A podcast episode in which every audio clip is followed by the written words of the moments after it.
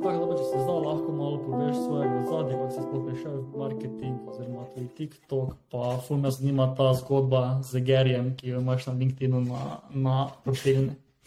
Uh, ja, jaz v bistvu bom proval biti čim bolj kratek, jedrnat. Um, hm? Začel sem v bistvu z marketingom prvič nekako v BMW-ju, ker sem dobil službo na BMW Group Slovenija v marketingu kot asistent marketinga, ampak sem zelo hitro videl, da korpo za me je nogo, da rabim veliko več svobode pri ustvarjanju in razmišljanju.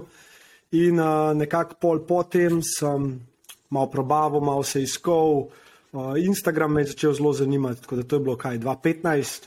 Sem začel konkretno študirati Instagram in posledično tudi influencer marketing. Ne. Ogromno enih podcastov sem poslušal, blogov, uh, bral, social media examiner takrat sem odkril in tam sem ogromno enih informacij najdel, ki so mi bile gud.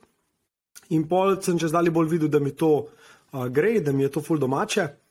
No in tle, um, tle je prišla ena knjiga um, nasprot mene in to je bil Jab, Jab, Jab, Right Hook od Gary Vija.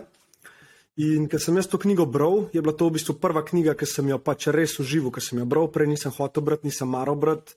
Um, le bralne značke sem naredil iz uh, teh obnov, od sošolcev, sošolk. Tako da, ja, pač knjige me res niso zanimale. No, pa sem pa ta Jab, Jab, Jab, Right Hook prebral in tam noter sem ugotovil, koliko dejansko mi je vse to logično in koliko dejansko se strinjam s tem, kar, kar Gary tam noter govori. Kako nastopati na Instagramu, na, na Facebooku, kako biti native do platforme, kako svojo zgodbo povedati skozi te nove platforme, ki so se pojavile. In um, v bistvu sem bil že zelo blizu, da bi štartil nek svoj projekt z enim um, takrat uh, kolegom. In uh, lih prej sem začela, je v bistvu uh, Jurek Nehtel. Um, sva se dobila na kavi in mi je povedal pač zgodbo, ki jo on ustvarja z starom, takrat ga je lih za štarto dober. In um, sem jaz rekel, pismo dela take influencer marketinga, je rekel ne, ampak me ful zanima, sem rekel, lej, če si za, pa če jaz lahko pridem vam to delati in tako se je pač moja zgodba tudi tam začela. V bistvu sem prvo let pa pol delal samo influencer marketing, kar pomeni, da sem v bistvu od eh, samih strategij do diemanja ljudi, um, dogovarjanja za kolebe, vse delal jaz. In to je izgledalo tako, da sem imel iPad, telefon pa računalnik in nekaj časa sem delal na iPadu, DM-ov, ker mi Instagram ni več dovolil, sem šel na telefon, sem z drugega profila DM-ov. Tako da ja, je bil res tak cool hacking. Všeč mi je bilo pa to, da sem si sam kreiral svoje delovno mesto. Ne. V bistvu, kar sem jaz rekel, nekako so rekli, ja, gremo v to smer. Ne. Ampak Instagram, mislim, influencer marketing sam po sebi, po letu pa pol, ni bil tako profitabilen za podjetja. Ne. No in takrat smo se odločili skupaj, da se premaknem v Facebook advertising. Uh, in sem se naučil oglaševanje na Facebooku, to je bilo po moje 2016. In takrat sem dobil pač tudi projekt uh, Shine Brown pod svoje roke. In sem začel nekako kombinirati ta influencer marketing pa social media, um, pre, prepravo strategijo za UGC, se pravi User Generated Content, in takrat je to začelo pač počasi eskalirati. Uh, no, in v štirih letih na tem projektu, uh, do lani, uh, oktobra, ko sem šel stran, uh, smo nekako speljali na 10 tisoč kolebov, uh, vodil sem vse skupaj na piku 41 ljudi v marketingu, um, in pa do, se pravi, 10 plus milijonov se je naredil prometa v enem letu, kar je bilo tako huge. Uh, in klej sem tudi v tem obdobju, sem tudi ogromen, ogromen, ogromen delo. Uh, tako po 13-14 ur na dan, ampak res sem začutil prvič v life, da imam neko priliko, da se dokažem uh, in, in sem jo res izkoristil. In takrat vem, da sem si naredil podlago za zdaj. Vmes se je pa zgodila tudi ena ful uh, lepa stvar za me in to je bilo, da smo šli z Juretom na Polsko, kjer je bil Gary V. Speaker in um, ga imela šanso tudi spoznati in z njim na osebni ravni uh, nekako se predstaviti, pa malo pogovarjati. In to je bilo tako um, res tak, taka. Um, tako dobra izkušnja, ker sem ugotovil, da dejansko res človek to, kar govori, tudi živi. In ta njegova skromnost in odprtost, takrat mi je pokazala, wow, jaz hočem biti pač na tak način. Jaz hočem, jaz hočem to vrednoto vzeti in jo imeti za svojo, se pravi ta neka prijaznost, odprtost do ostalih. Uh, in je ratala to tudi ena zelo moja močna vrednota. In um, tiste točke dalje sem tudi začel malo drugače na biznis gledati. In ne glede na to, da se je okoli mene večinoma vrtelo vse okoli prodaje in vsega tega, sem jaz vedno uh, čutil veliko bolj povezanost z ljudmi. Veliko bolj so me zanimali odnosi, veliko bolj mi je bilo to pomembno, da so ljudje okoli mene srečni, pa da jim omogočam to, kar meni ni omogočeno noben, ker sem si omogočil sam. Nekak, neko mentorstvo, da sem ga lahko predajal ostalim in ljudje, ki sem z njimi delal, mislim, da sem en delček, um, delček mozaika v njihovem uspehu in to mi ful pomeni. Um, pol pa ja, pol pa se je v bistvu lani, sem se pa nekako odločil, da um, bi rad še bolj zaupal um, temu, kar jaz čutim, da je prav, svojemu načinu. In tako sem se pol tudi odločil, da grem na svoje. Um, nekako sem delal kot brand advisor, kar pomeni, da sem podjetjem pomagal uh, pri marketinških strategijah, pri uh, oblikovanju ekip, pri tudi malo business developmentu um, in se nekako pušil konstantno izven komfort zona. Uh, da sem lahko odkril pač en del sebe, ki ga mogoče še nisem poznal. Delal sem recimo s Petro Parovel, svoj brand, um, drugače ti svetujem, da jo tudi kontaktiraš, če bi bila uh, na tvojem podkastu, uh, res ful, ful dobra oseba. Uh, mislim, da bi ti ogromno lepega lahko povedala, plus malo bi razbil to, verjetno imaš večinoma moške goste. Um, ja, tako da plej, ti svetujem, da jo kontaktiraš, lahko tudi rečeš, da sem ti dal jaz kontakt, bo vesela. Okay, cool. ja, no, in um, tekom tega sem opazil, da sam consulting ni tako simpel, ker dejansko nimaš hands-on um, moči, da zdaj pa te zadeve, ki si jih ti predal v teoriji, spraviš tudi v prakso. Ne? In tam sem ugotovil tudi, koliko sem močen kot vodja, um, se pravi, da vodim neko ekipo. Uh, in zato sem se pol tudi odločil tam, po moje, junija nekaj da malo bolj tesno uh, začnem sodelovati spet z Juretom Knehtlom, ki je v mestnem času postavil Whisky. Uh, in zdaj tam njemu pomagam malo bolj hands-on z ekipo, razvijati projekte, razvijati njegov biznis in v tem ful uživam. Istočasno sva pa ustanovila še eno podjetje, ki je pa Buzzwords. Uh, tukaj se pa v bistvu ukvarjamo s TikTok marketingom, ker smo videli nerealno priložnost na trgu in uh, nekako Na začetku smo hoteli samo copy-pastati model iz Facebook advertisinga na neko novo platformo, ampak smo zelo hitro videli, da ne bo šlo tako simpel. Zato smo rekli, ok, fanti, mi moramo biti 100% fokus s tem podjetjem, 100% fokus na TikTok. In predvsem smo pa videli, kako pomemben je kontent na tej platformi. Zato je moj del uh, v podjetju uh, ta kreativ del. Uh, kako dobiti zdaj dober kontent, ki bo performal v glasih, medtem ko sta Jure pa Mitja še solastnika oziroma co-founderja. Um, Jures se ukvarja z growthom podjetja, pa media buying strategijo, Mitja je pa, uh, rečemo, mu CEO of Getting Shit Done, v bistvu je pa CEO. Tako da nekako poskrbi, da smudli tečejo vse stvari, ki se dogajajo od zadaj, pogodbe, sodelovanje itd. Um, ja, in evo, zdaj smo, se pravi, obstajamo koliko, od marca, aprila, to je kaj pol leta, zdaj že skoraj. Mm -hmm. um, ogromno smo se naučili in ja, res sem vesel, da, da to zgodbo skupaj ustvarjamo. Tudi ljudje, ki delajo za nas oziroma z nami, so full srečni. Uh, imamo zelo tak, sploh moj approach je zelo open-minded. Imamo recimo punco, ki je uh, z Rusije, mm. živi v Italiji, trenutno je v Vietnamu uh, in je creative strategist, tako da je zelo pomemben del, ampak je 100% remote in res um, ta relationship, pa zaupanje ful pomaga pri tem, da je to možno. Uh, tudi ful sem res hvaležen, da, da so taki ljudje, ki to cenijo in vračajo s tako mero, ki jaz hočem dajati. Uh, to mi zelo pomeni.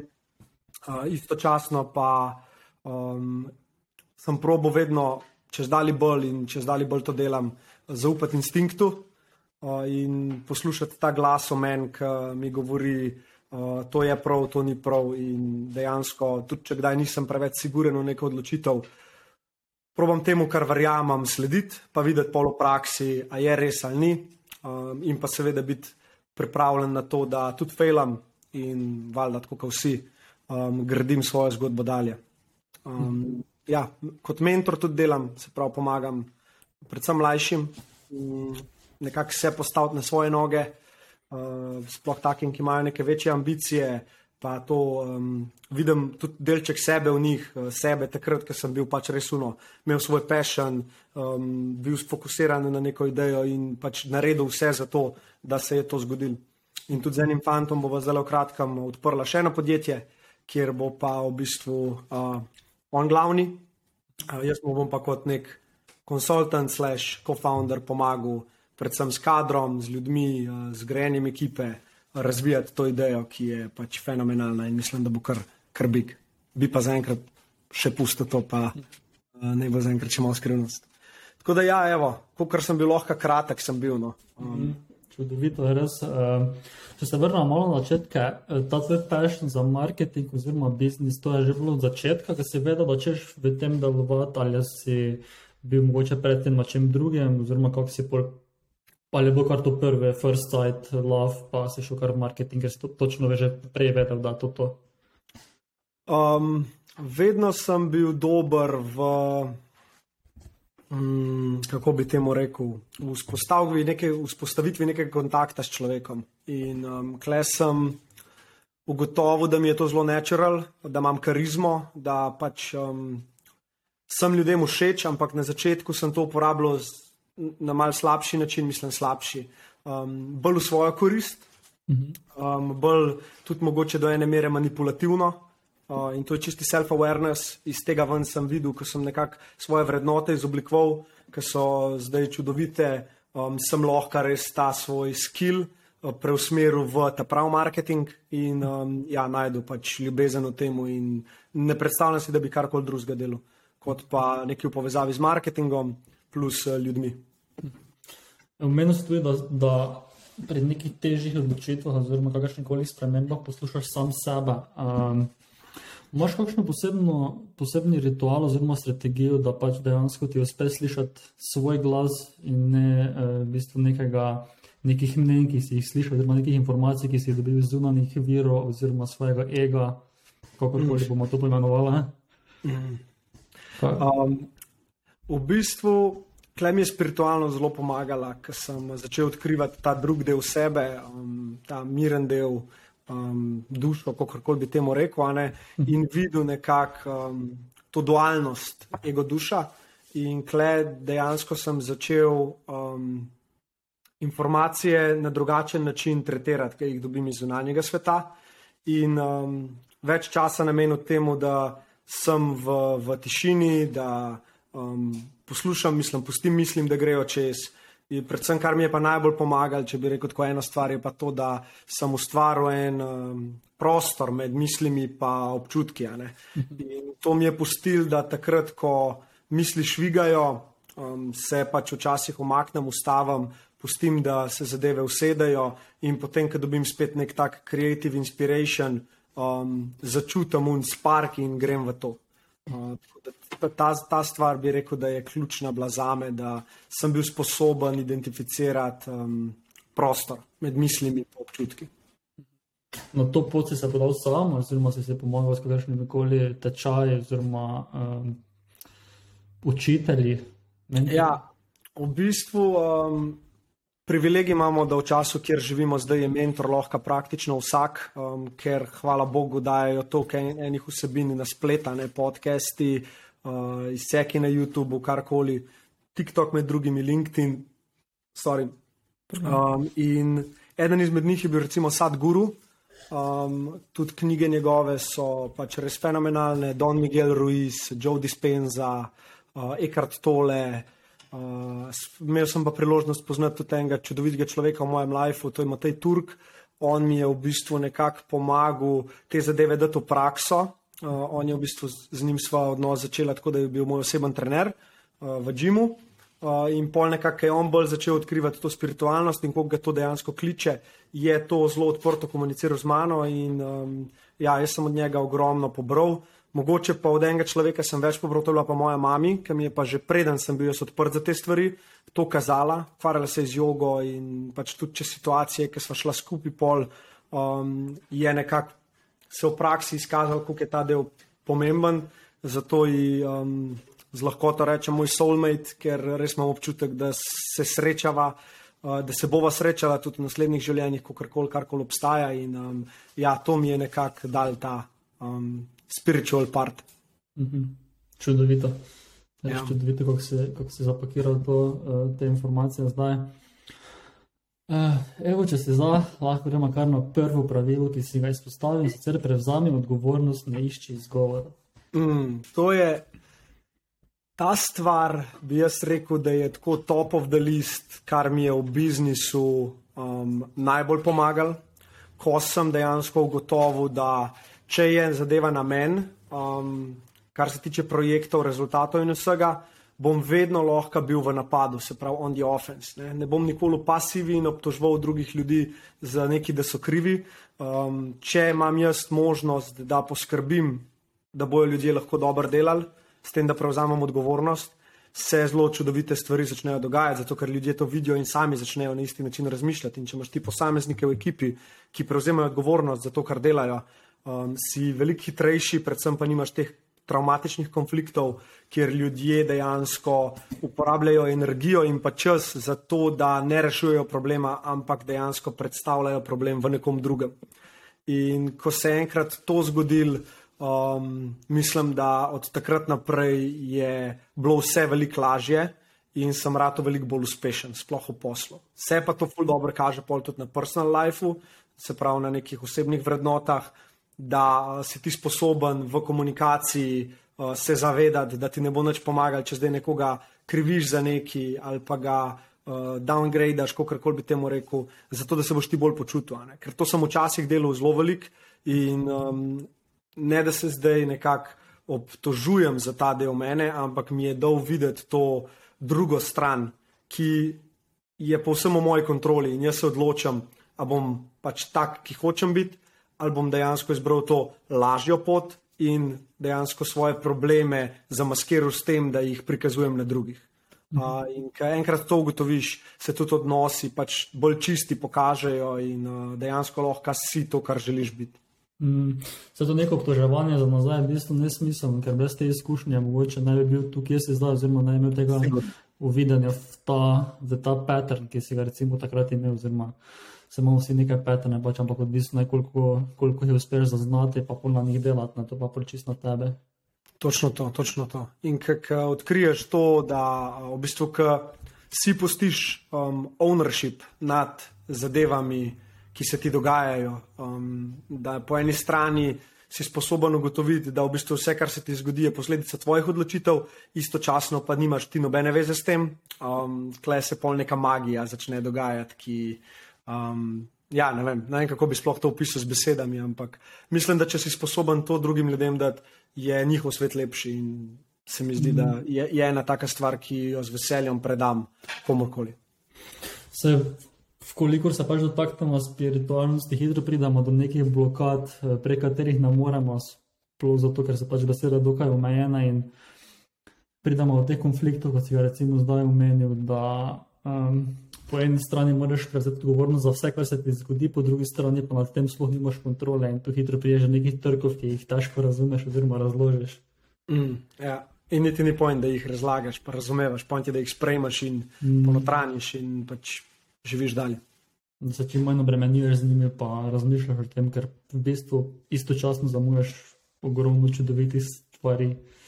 Ja, in ena knjiga je, um, ki ne vem, če si jo prebral, ampak bi ti svetoval um, Letting Go je naslov.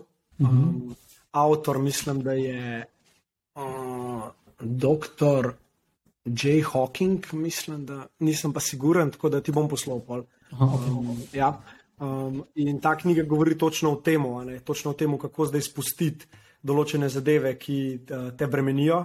Uh, in ključno je to, kar sem prej govoril, da si sposoben um, ustvariti prostor med mislimi, pa med občutkom, zato ker stvari, ponavadi sploh negativnih stvari, ki se dogajajo, ki so posledica travm, kako koli, ne moramo spustiti jih zaradi tega, ker se uh, sproša ena zelo močna emocija, ko pomislimo na to stvar. In če je ta občutek krivda, strah, so to zelo močne vibracije, ki to misel potem vežejo in ne pustijo, da gre. In bolj, kot ti hočeš na silo, ne, tem, ne o tem razmišljati, ne o tem razmišljati, ne o tem razmišljati, bolj dejansko ti ta, to misel večaš in težjo boš spustil. In so obstajajo tehnike, kako to delati, ampak um, uh, kjer se veliko ljudi uh, omeji, je to, da mislijo, da bodo to naredili enkrat in je zadeva zaključena.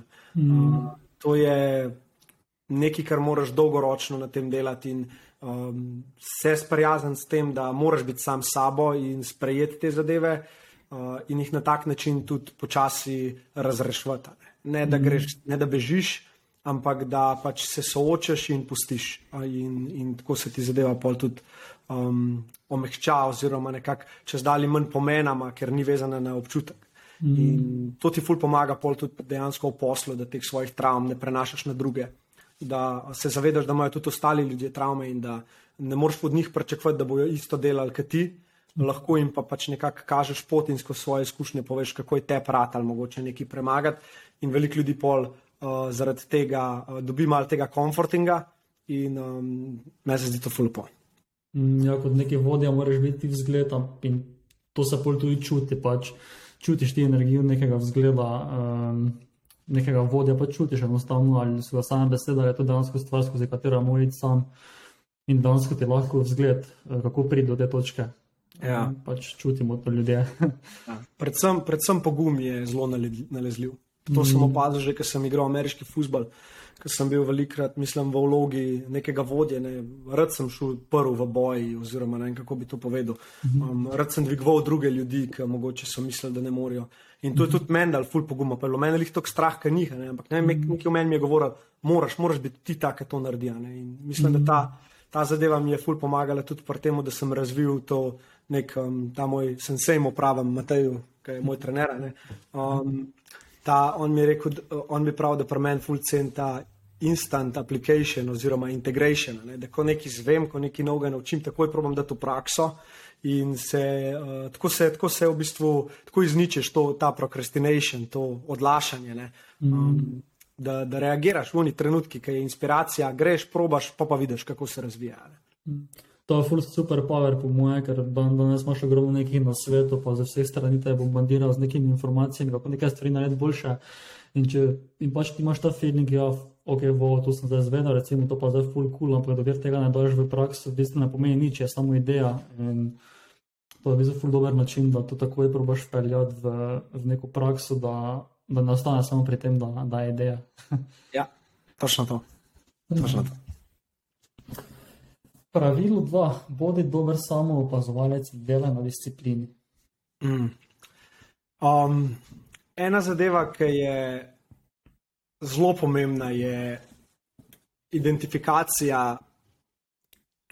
tega, kar se ti v enem trenutku dogaja, in da si sposoben opaziti nek vzorec ali pa reakcijo. Uh, ki, se, ki se ti zgodi, in biti sposoben potem z neko disciplino uh, v trenutku um, reagirati, oziroma ne reagirati, ampak se odločiti, kako boš po tej reakciji um, oblikoval ali poved ali odnos, karkoli. Um, bom dal primer iz prakse. Uh, en vem, indijanski pregovor ali kašen je, da. Ker se ti nekaj zgodi, ena bolečina ali pa nekaj, kar te zmoti, te zadane ta dve puščici. Ne? Um, ne vem, če poznaš to. Mm. Prva puščica je fizična bolečina in pri tem ne moreš narediti nič, to je reakcija. Ne? Druga puščica, ki te zadane, je pa bolečina, ki ni fizična, ampak si jo sam povzročaš s tem, da uh, trpiš zaradi te neke situacije. Uh, v praksi je to recimo, ko te, ko te nekdo uh, razjezi, tvoja prva reakcija je pač normalna, na to nimaš kontrole. In če si ti sposoben identificirati, da okay, na, na tem, s tem se ne morem ukvarjati, to je moja reakcija um, to je del mene. Drugi del, koliko časa sem pa jaz jezen, pa na kakšen način to jezo potem v prihodnosti izražam, na to imamo pa ogromno kontrolo. In če si ti sposoben biti dober samo opazovalec in identificirati, kdaj se ti to zgodi, se pravi, kdaj greš iz te uh, reakcije, ker nimaš kontrole na to, kjer imaš kontrolo, lahko potem izboljšuješ svoje vzorce oziroma se odločiš, na kakšen način jih boš predelal da nisi nekako, um, da ne spiš, ko se to dogaja, figurativno, ampak da si zbujen. Da, ko se ti zadeva zgodi, o, identificiraš, poredo je, spet grem v nek judging mentality, spet obsojam. Ok, kaj če bi šel raje v learnerja, kar pomeni, kaj se lahko naučim iz tega.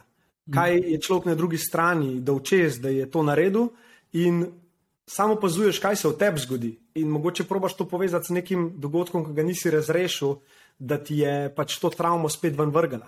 Mm. Veš, recimo, um, če se je nekdo v preteklosti konstantno drl na te, recimo, da je to starš, in si ti v službi in se nekdo od tvojih uh, sozaposlenih, bog ne dej, zadere na te. Mm. Reakcija človeka, ki ima travme iz tega, bo veliko drugačna kot človeka, ki nima teh travm in, bo, in bosta drugače reagirala na situacijo. Mm. Zato je zelo pomembno tukaj, da se opazuješ, da, uh, da si iskren do sebe, da mogoče, če se je to zgodilo, mogoče imam pa jaz tukaj nekaj za razpucati. In tukaj pa pol pride ta disciplina, da se odločiš, da um, ne boš trmast, recimo, več. Uh, to ni, veš, kaj ljudje rečejo, tak sem. Mm. Vsi se lahko spremenimo, če se hočemo. In zdaj, če si ti sposoben identificirati, kaj se ti zgodi, takrat, ko rataš pač trmast in zakaj to vlečeš in to rešiš, boš lahko začel svoje navade in svoj uh, na koncu dneva lifestyle na ta način spremenjati.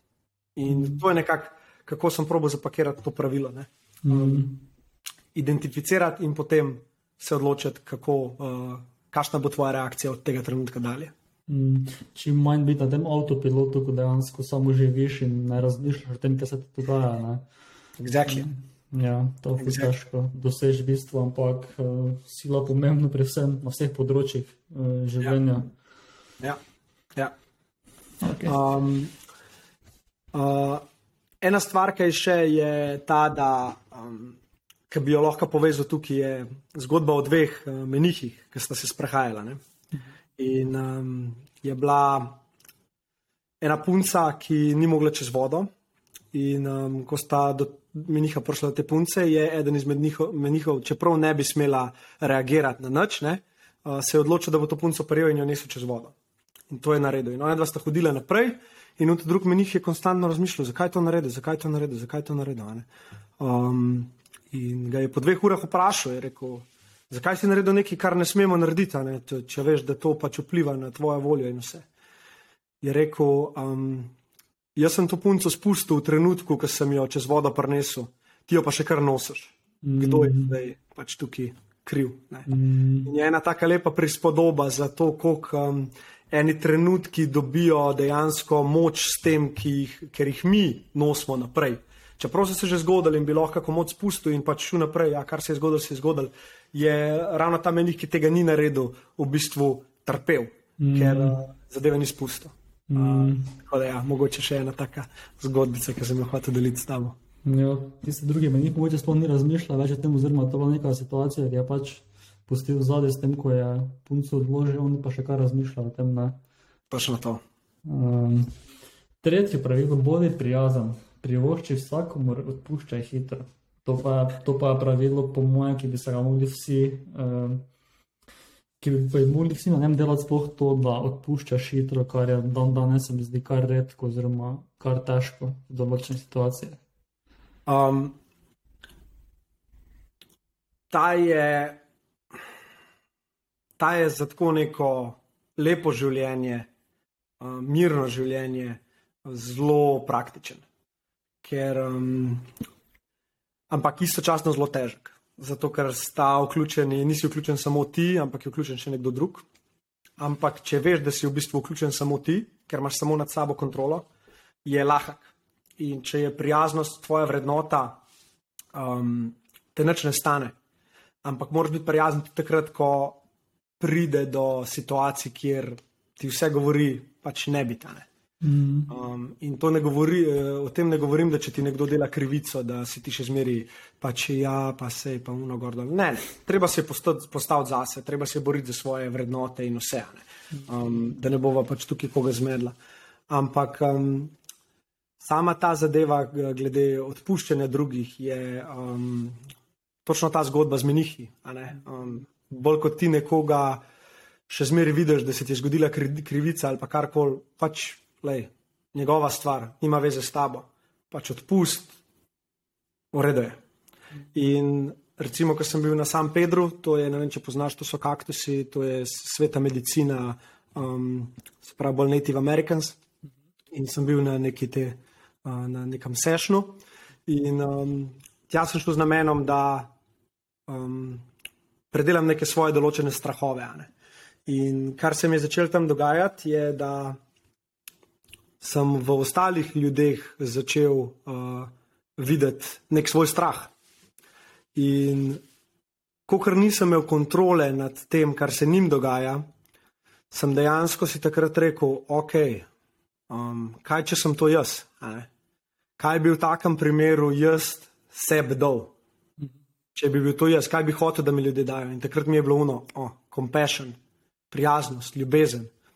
In sem začel, pač, kako se bo zdaj to slišal, sem začel pošiljati ljubezen njim. In kar se je zgodilo, je v meni začel, um, spremenil se mi je tok, tok misli in uh, strah je počasi uh, zginil. V bistvu nisem več to videl kot strahu, ampak sem videl samo kot neko izkušnjo. In dejansko čez to situacijo sem opazil, um, koliko zadeve ratajo lepše, če se ti odločiš, da izhajaš iz ljubezni.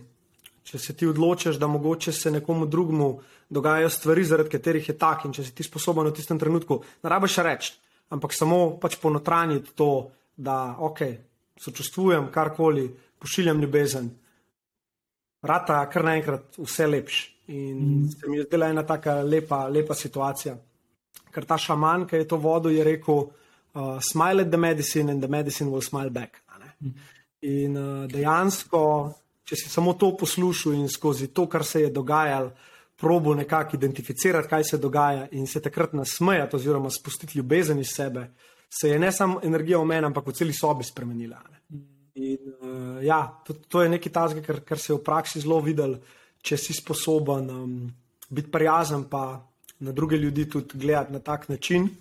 In če, kdo, če ti kdo karkoli naredi v življenju, le je prav. Um, bod ti na svojem, jaz bom na svojem, ampak sam to, da veš, le ujgutane. Um, nimam nobenih zamer, ne glede na to, ker dejansko uh, je povezan z nekom drugim in meni ne služi več. Uh, to je pa treba konstantno, konstantno delati in ja, nekako zgraditi nek mindset okoli tega. Ta sešen je bil podoben kot ta ayahuasca, ali je to čist druga zadeva, oziroma podobno, ampak druga. Uh, ja, to je podobno kot ajuaska, ampak ajuaska je veliko, veliko močnejša iz vidika tega, koliko imaš ti dejansko uh, kontrole nad svojimi videnji in vsem. Ajuaska je veliko bolj psihedelična kot to. Uh, tukaj gre za meskalin in v bistvu je bolj na fizični ravni. Ne? Um, Nekako je fulje močen ta efekt, ki ti ga da na telo. Um, vem, ljudje bruhajo. Uh, kašljajo, vse živo, ne spravljaš ven te zadeve, slabotije, uh, ampak dejansko ti na ta način pač odpira kanale, da si bolj um, čuten. Je, je seveda fulje na tem, kako je ta obred odvoden in tle so um, te šamanje res naredili eno vrhunsko zadevo, si prav v tem šotoru in na sredini ogen in gre čez zgodbe, igrajo se uh, te glasbe njihove in ja, um, ne rabiš tega res zadvan, vse to je resnica. Lej, um, jaz mislim, da sem zaradi tega boljši človek. Um, na koncu se spomnim, proti koncu so solze z mene tekle, kazmešane, um, ampak solze iz hvaležnosti. Tako pa če res neke majhne stvari so se mi pokazale, koliko mi pomenijo in ugotovil sem, da v bistvu vse imam. In um, v tistem trenutku sem res se čutil, da sem zelo svoboden.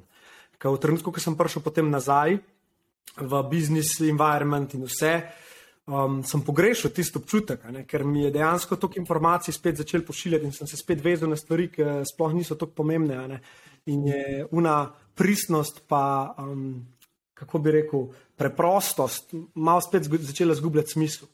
Uh, in zato zdaj probam delati tako, da imam neke sprinte.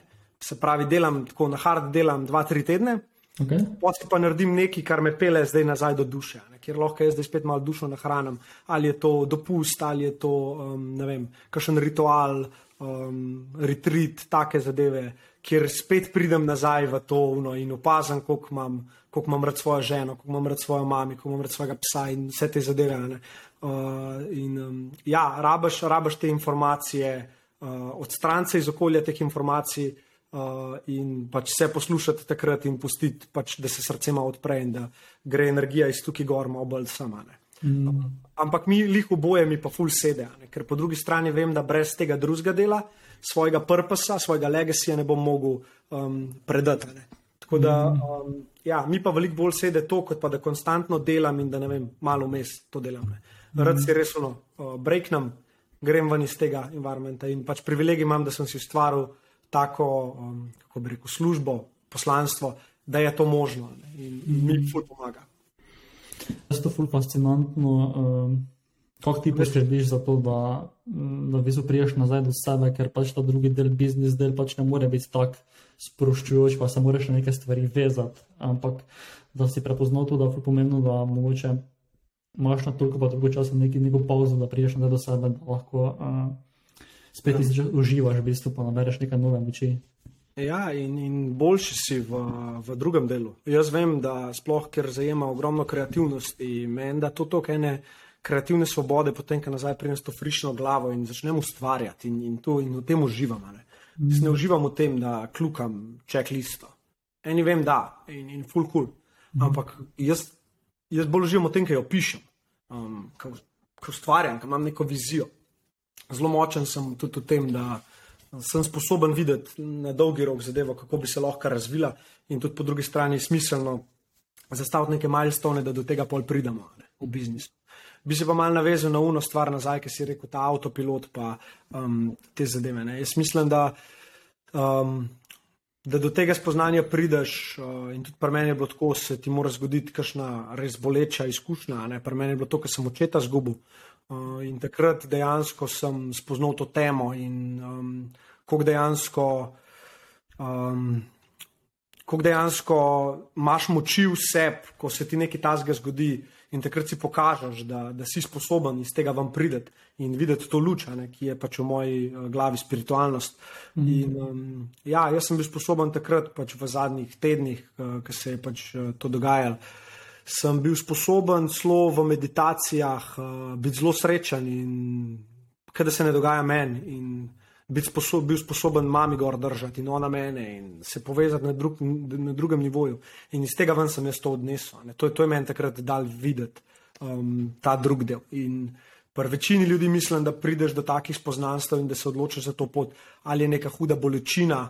Ali pa res neka spiritualna izkušnja, ki ti je odprla glavo. Ne? In pač tukaj smo različni, kako smo odprti za te zadeve. In ja, dejansko, tudi pri meni, ki je ego uh, bil zelo, zelo močen, um, še zdaj je, ne, ampak uh, tega imam bolj pod kontrolo. Uh, dejansko te ego slepi, ker si ne želi, da, um, da pozabiš na njega. In mm. se reče nekako pain body. In ta pain body se veže na travmo, se veže na žalost, se veže na jezo, ne, takrat se hrani. Uh, in ja, na ta način. Ja, te opominja, da je proces. In, in um, kar naenkrat ugotoviš, tudi meni, pri meni se je to zgodilo da sem šel iz tega, ker sem se res prisilil to, da sem sedel na mer, mižil in nič delal, v to, da dejansko zdaj a, v tem uživam. In, in pač obožujem ta občutek, ko sem lahko sam, ko se pomirim, dihanje mi ful pomaga. Ne, um, tudi, ne vem, Wim Hof, ne vem, če poznaš metodo. Um, ja, mrz pa dihanje. Um, ampak predvsem ta dihanje, kako lahko z dihanjem ti uh, umiriš svoje telo, kako lahko. Uh, tako stabiliziraš um, svoje procese svoj, na fizični ravni.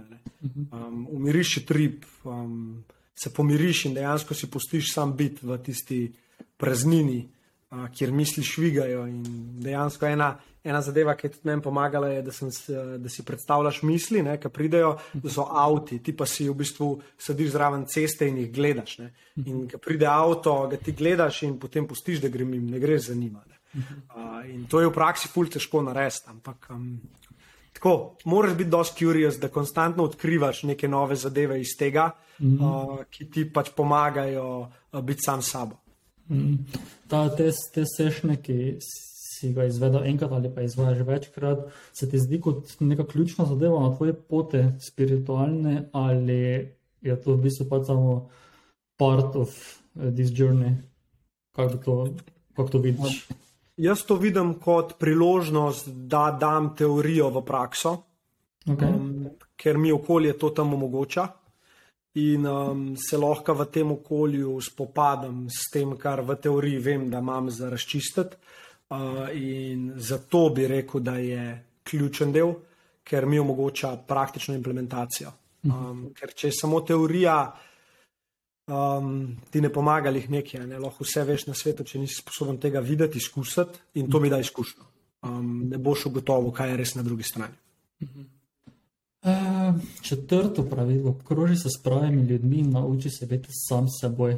Do neke ja. mere smo se ga dotaknili uh, ja. tega dela, da, se, da moraš biti sam s seboj, da moraš, mislim, da moraš, da uživaš sam s seboj, da priješ do te stopnje, da dejansko uživaš. Uh, ja. Kaj pa je ideja dalje?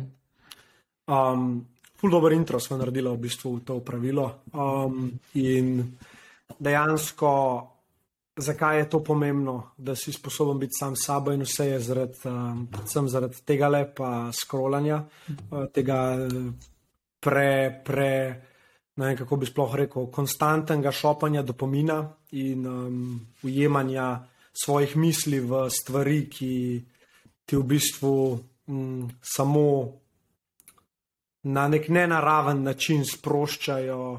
Um, občutke in, in nekako hormone, ki so namenjeni za druge stvari. Ne? In lih ta zadeva, da si sposoben biti sam s sabo, je kot nek unplug iz matrice. In um, se vrneš malo bolj nazaj k tem stvarem, ki so pomembne, in nisi na tem avtopilotu. Eh, je to težko, ampak ena zadeva, kako to narediti, in to je zdaj tudi to, kako se obkrožiti s pravimi ljudmi, je, da si feed na Instagramu, na TikToku, na, v bistvu na TikToku ne moreš to, ampak na, na Instagramu, na LinkedInu, recimo, da si svoj feed strukturiraš z informacijami, ki te zanimajo. In uh, pofollowaš ljudi, ki ti dajo vrednost. In to tudi pomeni, da unfollowaš vse une um, modele, pa punce, ki ti dajo tisto drugo stran. Uh, tisto nezadovoljstvo sam s sabo, tiste cilje, ki jih loviš v neki iluziji, ki sploh niso tvoji, ampak so od drugih. In ta nek perfekcionizem, ki se ven šopa. Um, to je fulj pomembno in to bi svetoval vsakmu, da si naredi, da, da bolj, da bolj z, z glavo gre v neko um, strukturo social medije, ki jo uporablja. In poskrbi za to, da do njega, oziroma do nje pridejo informacije, ki so, ki so koristne in ne informacije, ki ti v bistvu kradejo um, dragocene, um, dragocen fokus. Um, in, ja, in to, da se obkrožiš s pravimi ljudmi, je nekaj najbolj pomembnega, ne? ker um, velikrat, velikrat se zgodi, oziroma pregovor je, ki, ki pravi, um, rado boš isti kot pet ljudi, s katerimi si obkrožen na nek način. Ne. Spet imamo tukaj privilegij, da se lahko s temi ljudmi obkrožimo online, čeprav oni nas sploh ne poznajo. Recimo, pri meni je en tak Gary Vee. David Goggins, um, Naval Ravikant, um, Jordan Peterson, um, potem ne vem, koga bi še tukaj lahko povedal, Joe Rogan. Um, ljudje, ki dajo nekako in informacije, ki so mi pomembne, po drugi strani mi pa dajo tudi nek vzor, kako uh, pač ali voditi stvari, ali vem, se obnašati, uh, kakšne vrednote so pomembne. In, um, š, Po tretji strani je pa seveda tudi zabava tukaj vključena. Ne. Ni zdaj to, da je cel life sam resen. Uh, uh, valjda. Ne smemo pozabiti na humor, ne smemo pozabiti na, na srečo, na, na hecanje. In, in en velik del tega lahko na ta način tudi dobiš. Ampak, kar hočem povedati, je, da je zelo pomembno, da se zavedaš, da je v tvoji kontroli, s kom se družiš, pa uh, koga spremljaš. Um, in, ja, veliko ljudi ustane v nekih odnosih, sploh ne vem zakaj. Ampak vem, vem koliko je bilo meni težko, recimo, ker sem se nehal družiti z unimi prijatelji, ki sem se včasih več. Um, in, ja, ampak preprosto je prišel čas, ko sem mogel iti po neki drugi poti, um, iz vidika fokusa, iz vidika tega, kaj mi je pomembno, in pač sem tudi nad tem um, imel kontrolo. Se vrnem nazaj od tega, ko si rekel, da treba nekaj distrakcije, oziroma da treba biti, eh, moraš biti pazljiv, kaj spremljaš po teh socialnih omrežjih. To vidim zadnje čase, ko se pač s kom pogovarjam, da dajo tem socialnim omrežjem ful negativni pridevnik, pač ravno z tega vidika, ker je pač distrakcija, ker jih ta huk zagrabi, recimo, spoh TikTok, ko swipaš, swipaš, pa ti mine dve, tri urice v trenutku. Ja. Da se sploh ne zavedla, da v bistvu pač pri vsaki stvari je tako, da tu je, dobro, da tu je dobra stran tega. Um, tega, da, da ti dve urici, recimo, swipaš ni toliko dobro, je pa dobro lahko po drugi strani, ko dobiš neke informacije, ki so dejansko kul, cool, da si jih dobil, da ne gledaš nekih. Um, Da ti ne algoritem ne zazna teh bedarij, ko jih gledaš in ti recimo samo to šlo pa cel čas, ampak da dejansko spremljaš neki, neki value, ki ti ga pač doda. Uh, in pač pri vseh stvarih je tako od socialnih mrež do drugih področij v življenju. Tega ja. se je full cool zavedati točno to, veš, jaz zelo rad vidim um, v teh, ko, ko ljudje nekaj sklepajo, da je negativno. Probam videti, da okay, je lahko na kakšen način pozitivno. Mm -hmm. Lahko nekaj dobrega iz tega vam potegnemo. Ne?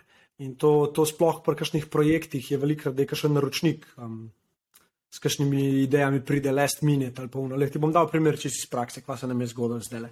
Um, naročnik se je odločil, da uh, v petek uh, bi on štartil Halloween kampanjo v soboto. In prva reakcija ekipe je bila panika. Ne? Kva spet oni, to zadnji sajt, neki, um, spet bo treba vse na vrat na nosu, na gor dol. Sem pustil, da, da pride pač to ven. Sem rekel, ok, ste zaključili z dramo, ok, malo humorja, ne, da malo razbiješ energijo. Uh, pa sem pa rekel, um, pa vi ne mislite, da bomo zaradi tega recimo lahko več spendali. A vi ne mislite, da je to v bistvu dobra ideja? A smo sposobni mi to narediti v enem dnevu, je drugo? Jaz vem, da smo.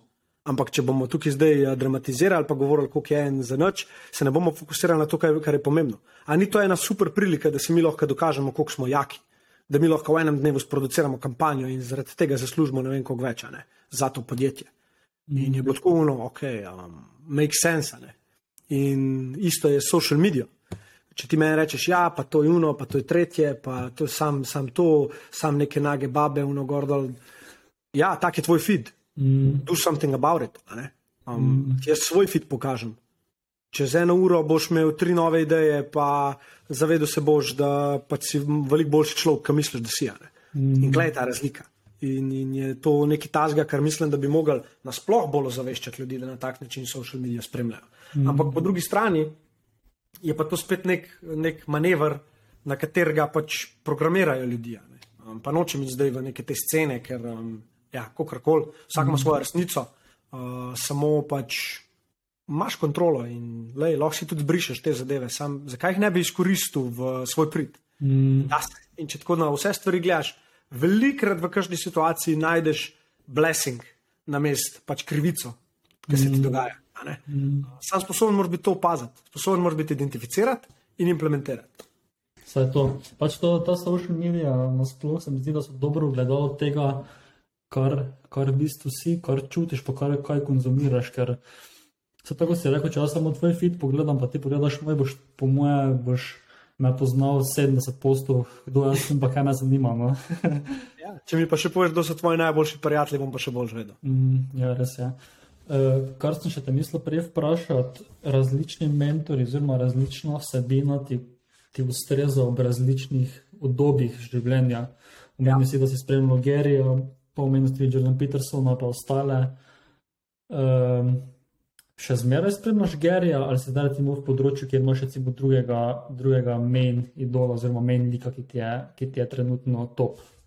Ja, veš, jaz mislim, da to je um, malo bolj um, malo presploščeno povedano, če se okay. sploh pravi, uporabljam besede, se naj. V glavnem, jaz mislim, da za vsako področje rabaš človeka, za vsako področje, ki ga hočeš izboljšati. Okay moraš najti ta krok ljudi, ki te inspirirajo tam. Ne? In jaz Gerija še vedno spremljam, zato ker um, ne spremljam ga toliko v nekem marketinškem smislu, spremljam ga pa zaradi njegovega črnija, ker mi je všeč način, kako on pač gre čez stvari in informacije, ki jih daje. In istočasno je on moja bližnjica do stvari, ki um, jih lahko tudi na koncu dneva v marketingu uporabljamo. Mhm. Um, malo pove, kako on je v bistvu nek trendsetter iz vidika tega, koliko ti informacij da iz tega, kar je recimo noga, ne? recimo NFT, pa nismo še tam, da bi bili neki fulane. Mm. Ampak način, kako on NFT-je predstavlja, mene ful pomiri, ker nekdo drug jih predstavlja iz veliko bolj tega oportunističnega smisla. Meni pa Gerjeva mentaliteta všeč, zato ker njegove vrednote se ful mečejo z mojimi. Mm. Zato jaz njega spremljam v bistvu zaradi vrednot. Po drugi strani imam David Gogginsa. Gogginsa ne spremljam skozi do take mere ampak ko vem, da rabim iti iz svojega komfort zona, ko vem, da rabim pogum, ko vem, da rabim pač utišati ta beach voice, kot mu on reče. Mm -hmm. Takrat je pa on moja pač, um, prva, prva točka, kjer grem pogledati inspiracijo. Ali pa ne vem, uh, tudi Joe Rogan, uh, kdorkoli, ki se na tak način pač s takimi stvarmi spopada. Mm -hmm. Oni imajo eno skupno točko in to je, da, imaš, da si ti tisti, ki moraš narediti spremembo. Ne? In tako da te ljudje, ni zdaj, da bom jaz njih spremljal, zato da bom delal stvari tako kot oni. Ne, jaz bom, jaz bom te ljudi spremljal zato, da mi dajo pogum, da se da, da, da mi dajo un nazaj, um, da mi dvignejo adrenalin, da, da mi dajo to, ta puška, ki ga kdaj rabim. Ne. In folk pravi, motivacija je boljši, pa to. Mm. O tem sem zadnje čase dosta razmišljal. Ker po eni strani je, ampak um, odvisen, koliko široko jo gledaš. Mm. Če tebe nekaj motivira, uh, da um, v prakso implementiraš neko stvar, zaradi katere si boljši, motivacija ni boljši. Če si pa ti tisti, ki samo gleda in se motivira, pa pa se del ne naredi, je pa, uh, je pa boljši težek, ker ti, ker ti dejansko sam sebe pesek v oči mečeš. Mm. In um, en način, kako zelo dobro uporabiti motivacijo v svoj prid, je, da ko prideš do, tega, do te inspiracije, ne, ko te nekdo motivira, takoj napiš dol, kaj boš naredil in kdaj boš naredil. In pol tukaj spet disciplino aktivira, da to res narediš. Mm. Ker največkrat se zgodi to, jutra pa začnem. Mm. Jutri, jutri sem pa naučil, drugi dan se zbudiš, da pač če ne danes, ker motivacija zgine. Mm. Zato je ta instant implementation ful pomemben. Motivacijo je ful dobro uporabiti za to, da si postaviš cilje, da, da pogledaš malo v prihodnost. In pol pač je še zmeraj na tebi, da to realiziraš. Uh, mm. ja, tako da tukaj, tukaj mislim, da je ključen del ta. Da bi pa rekel, uh, koga tako um, spremljam, pa ne spremljam, pa spremljam, pa ne spremljam. Je pa recimo en izmed takih, Andy Frisela, ne vem, če poznaš. Uh, Andy Frisela ima tudi zelo dober pogled na, na situacije, pa tako zelo na approach. Mm -hmm. uh, njega tudi tako time, time to time spremljam. Um, ja, to je pa to, no, iz glave zdaj. Mm. Če se vrnem na to, na to motivacijo, se mi zdi, da je zelo pomembno, kak, na kakšen način jo uporabiš, ker motivacija se mi zdi, da je potrebno za tisti prvi step, ki ga narediš, pol, kar pa ostane, pa ostane disciplina. Uh, da če ti uporabiš, uporabiš eh, motivacijo za to, da si narediš plan, pa ga pol uh, drugi dan ne izvedeš, oziroma ga to prelagaš, potem, potem je bullshit, ampak v, če pogledaš te druge smeri, ki sem ti pravkar opisal, da dejansko je potrebna motivacija za neki first step, pa da tudi se toliko poznaš, da veš, da ti motivacija lahko pomaga ta prvi step vzeti, pa recimo pogledaš nekaj videa, malo tretje se s kom pogovarjaš, pa imidijete stopiš ta korak, potem pa mislim, da je to ful pozitivno, uh, da rabiš, oziroma da yep. ta prid izkoristiš.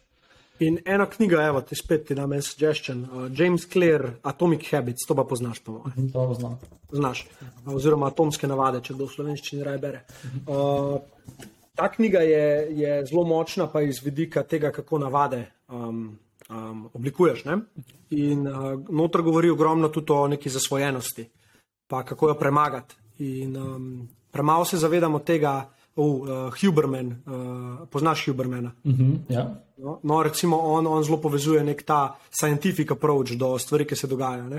-huh. In v tej knjigi uh, Atomic Habits, recimo, govori uh, o tem, kako ti neka slaba navada ali pa navada uh, sproš v glavi um, misel, potrebo po tem, česar v bistvu sploh ne rabiš, in ti sproša adrenalin.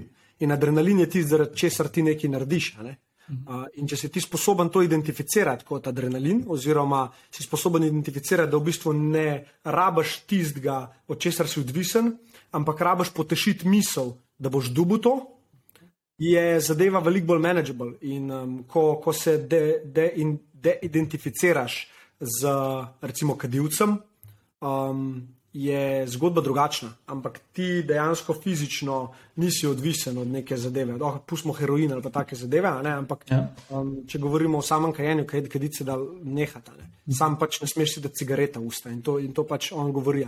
Adrenalin je pa tiskate ki te prasilo to, da to narediš. Um, in in ta, ta knjiga je res ena zelo dobra, kako si um, navade na podlagi nekih minimalnih sprememb implementirati v svoj life. Ne? Že ena taka, recimo, je, um, ki meni recimo pomagala, jaz nisem brez televizije mogel zaspati. Ne? In zdaj, ko smo se z ženo, ki smo se ta stanovanje, ta dom oblikovali, um, sva rekla, ok, v spalnici vse preštimam za TV. Sva rekla, ne, ne bo dala televizija notranje. Um, zato, ker spalnica je za spat. In če se ti prostor oblikuješ tako, da imaš sobo namenjeno temu, kar boš tam delal, um, boš prisilen v to, da ko greš tja, čeprav ti pač uno, adrenalin, pa tuno, ne, ne, da še kaj pogledaj, uno, gor do tretje. Pač ne, ne moram, grem spat. In uh, sem to navado res dobro rešil. Ali pa še ena navada, recimo uh, nitkanje zob. Um, sem šel pucati zobom kamen, pa mi je rekel, da je nitki si zobe, to, to ti manjka, ful lepe zobe imaš, sam nitka si jih boš pomogel. Uh, in sem jaz pač v tej knjigi, uh, po tej knjigi, a ne, sem rekel, ok, v redu, prvi step, ki ga naredim, je, da si zobno nitko postavim zraven zobne ščetke, na poličko in zato se vsakič spomnim, da moram to narediti.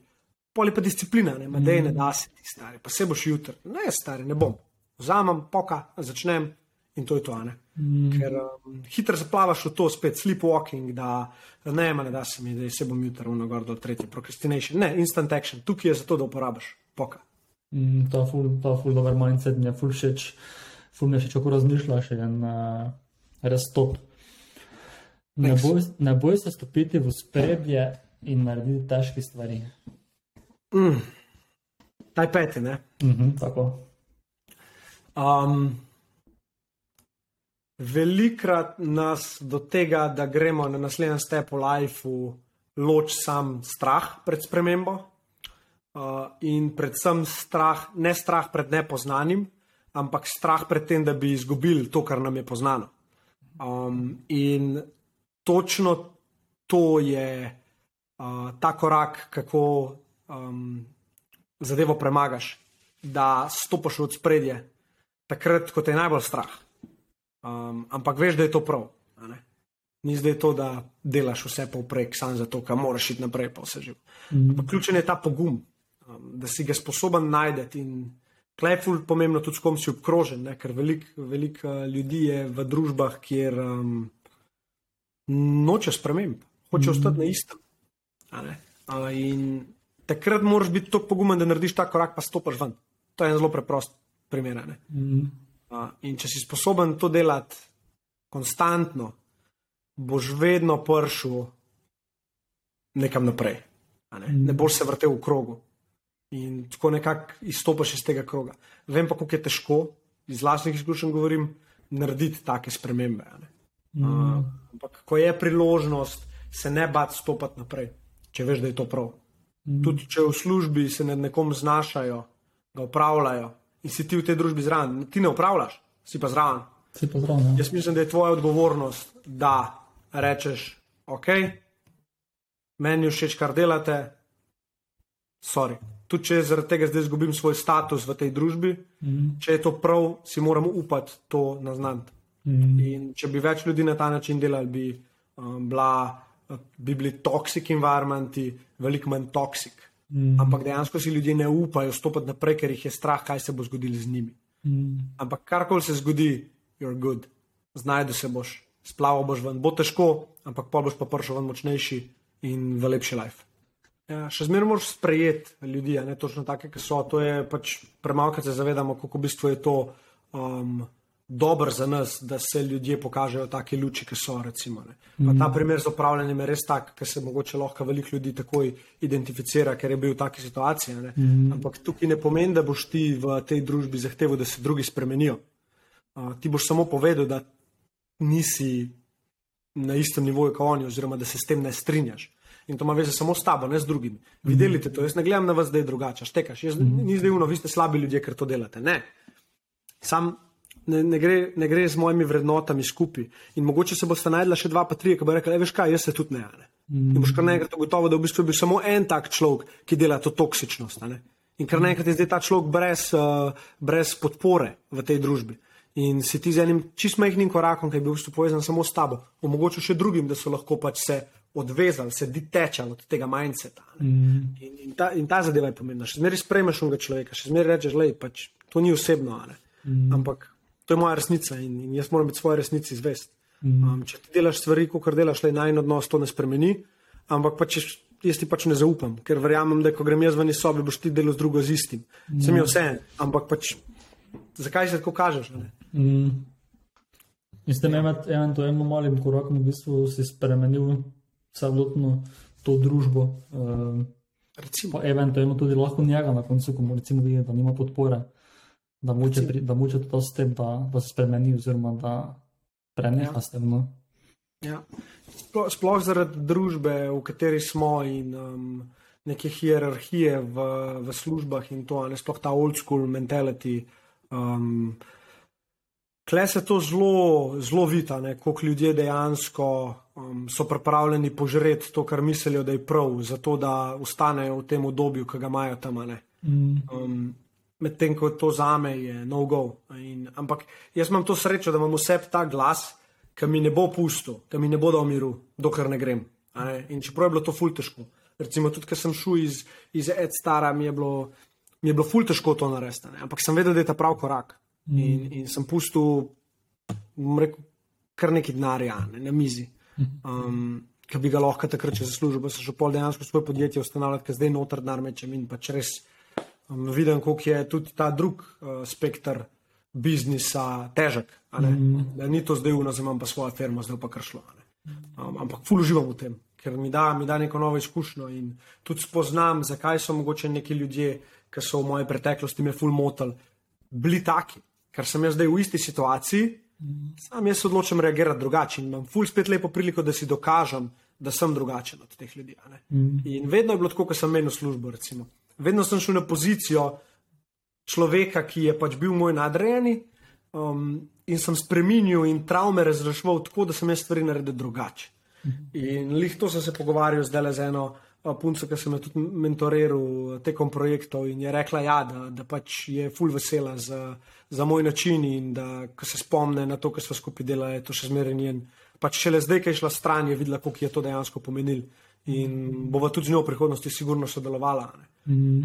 In, in to šteje na koncu dneva, če me vprašaš. Koliko ljudi si sposoben pozitivno.